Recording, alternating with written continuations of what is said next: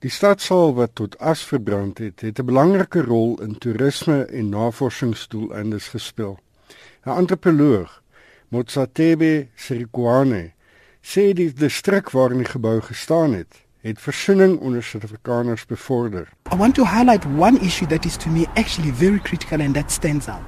Is the fact that not so long ago, I, I think it was around 2003, that they chose to, to develop I'm going to call it a square for lack of a better word. And that square it's called Poelanon. So it triggers an element of social cohesion, right? In in our country's democracy's quest for people to live together irrespective of our differences. I'm sure that you see that if there was an element of convergence, we bring in, if there was an element of divergence, we bring in the convergence. So, so the people that were not living together are supposed to now start living together. That's to me the significance of that. Die gebou het 'n pragtige Italiaanse binneafwerking met aantreklike sandsteen aan die buitekant. Serikuane sê die gebou het 'n belangrike geskiedenis. the entire precinct, the entire the entire space enjoys a national conservation. So the implication is that it actually uh, is protected by the National Heritage Act of, of South Africa.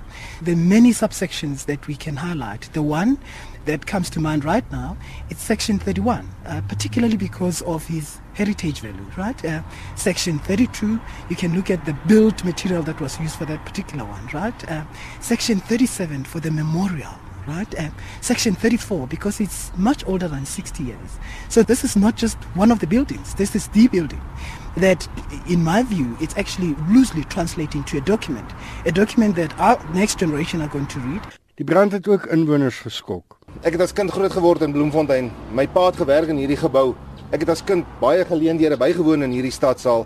Selfs as jong mense het ons uh, gesokkie en ons het uh, eksamens geskryf selfs in hierdie stadsaal dit het in my lewe regtig 'n rol gespeel en dit is dis sommer net hartseer. Ek het nou vandag hier verbygery en net kom kyk en jo, ek is geskok. Ehm um, kan nie glo dat groot mense sulke goed aanvang nie. Jy weet, dit is genuine, dis dit is verskriklik. Dit was onnodig. Daar's al 'n ander plek om te brand, maar hoekom nou iets wat ons geërf het?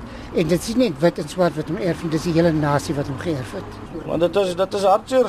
Die gebou is deel van ons, dit is deel van Bloemfontein, so so dit is hartseer. Ek dink dit is 'n groot verlies vir ons almal. Die Mangaung Metro moet nog die skade aan die stad sal bereken, maar hulle het vroeër gesê dit kan miljoene beloop. Hierdie bydra van Tabiso Gadebe in Bloemfontein en ek is Hendrik Martin vir SAK nuus.